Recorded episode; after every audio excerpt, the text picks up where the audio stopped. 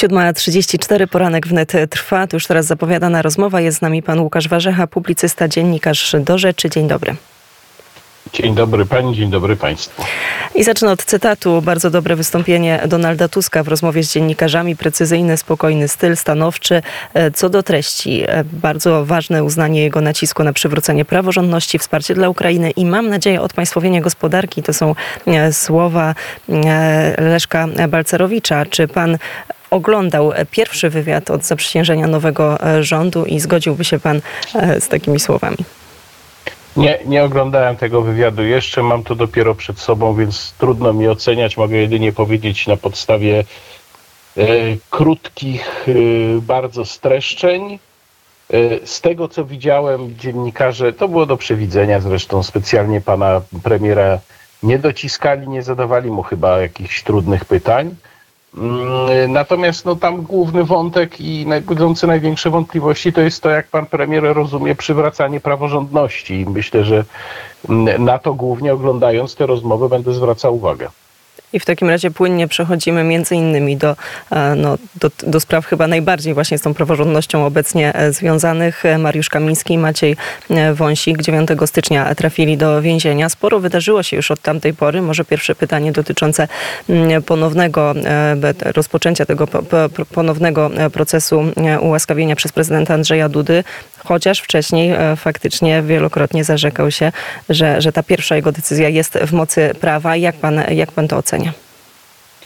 Dlatego właśnie pan prezydent, jak rozumiem, przyjął tym razem inną procedurę ułaskawieniową, po to właśnie, żeby nie dublować tej pierwszej i żeby nie dawać bezpośredniego powodu swoim przeciwnikom politycznym do stwierdzenia, że pierwsze ułaskawienie było wadliwe, chociaż y, takie głosy się mimo to podniosły. Natomiast y, drugim aspektem tej sytuacji jest to, że ta procedura, której obecnie użył pan prezydent, przerzuca odpowiedzialność na Ministerstwo Sprawiedliwości i prokuratora generalnego. No i tutaj mamy kolejny rozdział zabawy, bo widać już, że pan minister Bodnar raczej nie zamierza ulec apelom o to, żeby zawiesić wykonywanie kary na czas trwania tej procedury, która może zająć nawet kilka miesięcy.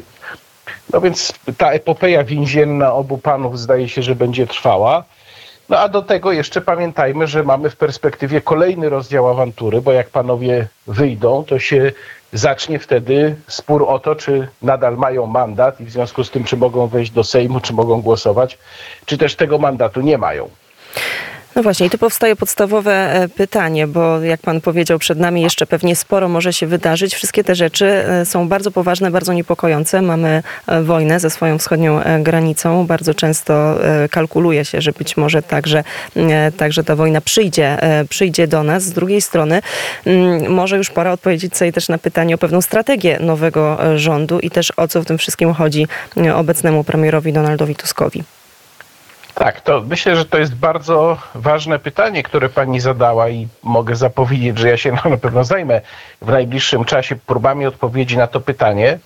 I to można tutaj pytać o strategię na różnych poziomach i dotyczącą różnych spraw. Pani wspomniała przed chwilą o e, wojnie na Ukrainie. No to tutaj mogę polecić najnowszy numer do rzeczy, w którym e, zajmujemy się kwestią tego, w jaki sposób rząd jest do tej sytuacji nastawiony, bo można odnieść wrażenie, że zaliczyliśmy cofnięcie się w czasie i rząd mówi głosem PiSu, tylko że z jesieni 2022 roku.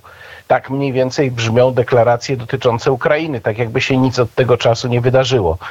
No ale nie będę w ten problem wchodził głębiej, bo nie o tym rozmawiamy. Natomiast ta całościowa strategia dotycząca również tego, jak ułożyć państwo, tak, to jest bardzo celne pytanie, dlatego że na tym etapie chyba już widać, wystarczająco dużo się w ciągu tych trzech tygodni istnienia rządu Donalda Tuska wydarzyło. Chyba już widać, że tam chodzi o coś więcej niż tylko o zwykłe przejęcie władzy, nawet takie w miarę brutalne.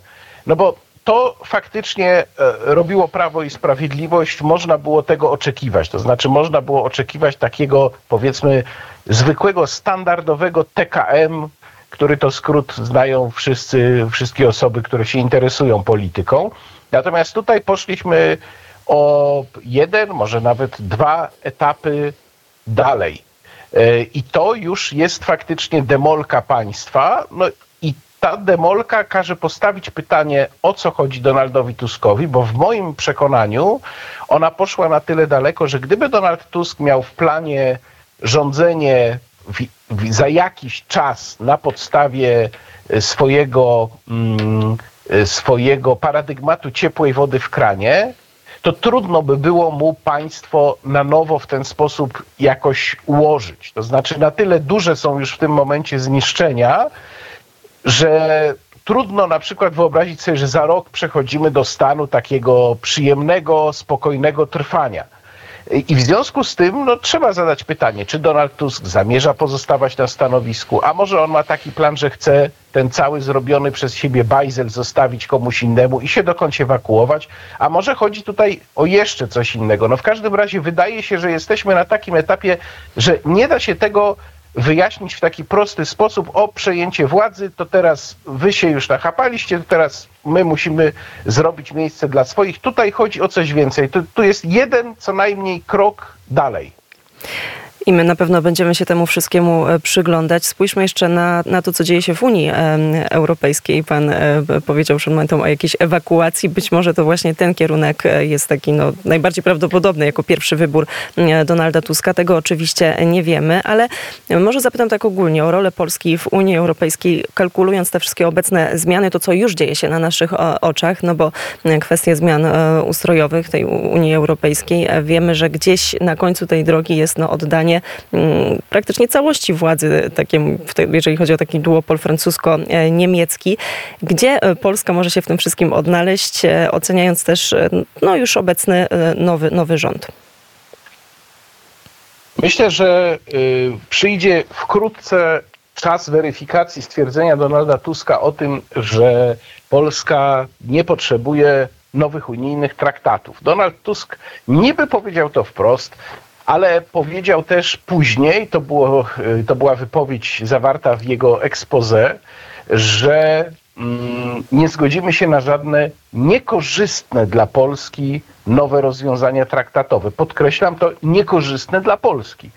E, warto zwracać uwagę na takie niuanse w wypowiedziach polityków, ponieważ e, politycy często mówią tak, żeby później nie można ich było złapać wprost na kłamstwie czy złamaniu obietnicy. No więc wyobrażam sobie, że Donald Tusk może stwierdzić, że proponowane zmiany nie są wcale niekorzystne dla Polski. W związku z tym on się na nie godzi jako premier polskiego rządu. Y, mowa jest również, i to też padało zresztą w ekspoze Donalda Tuska, o jakimś odzyskiwaniu pozycji.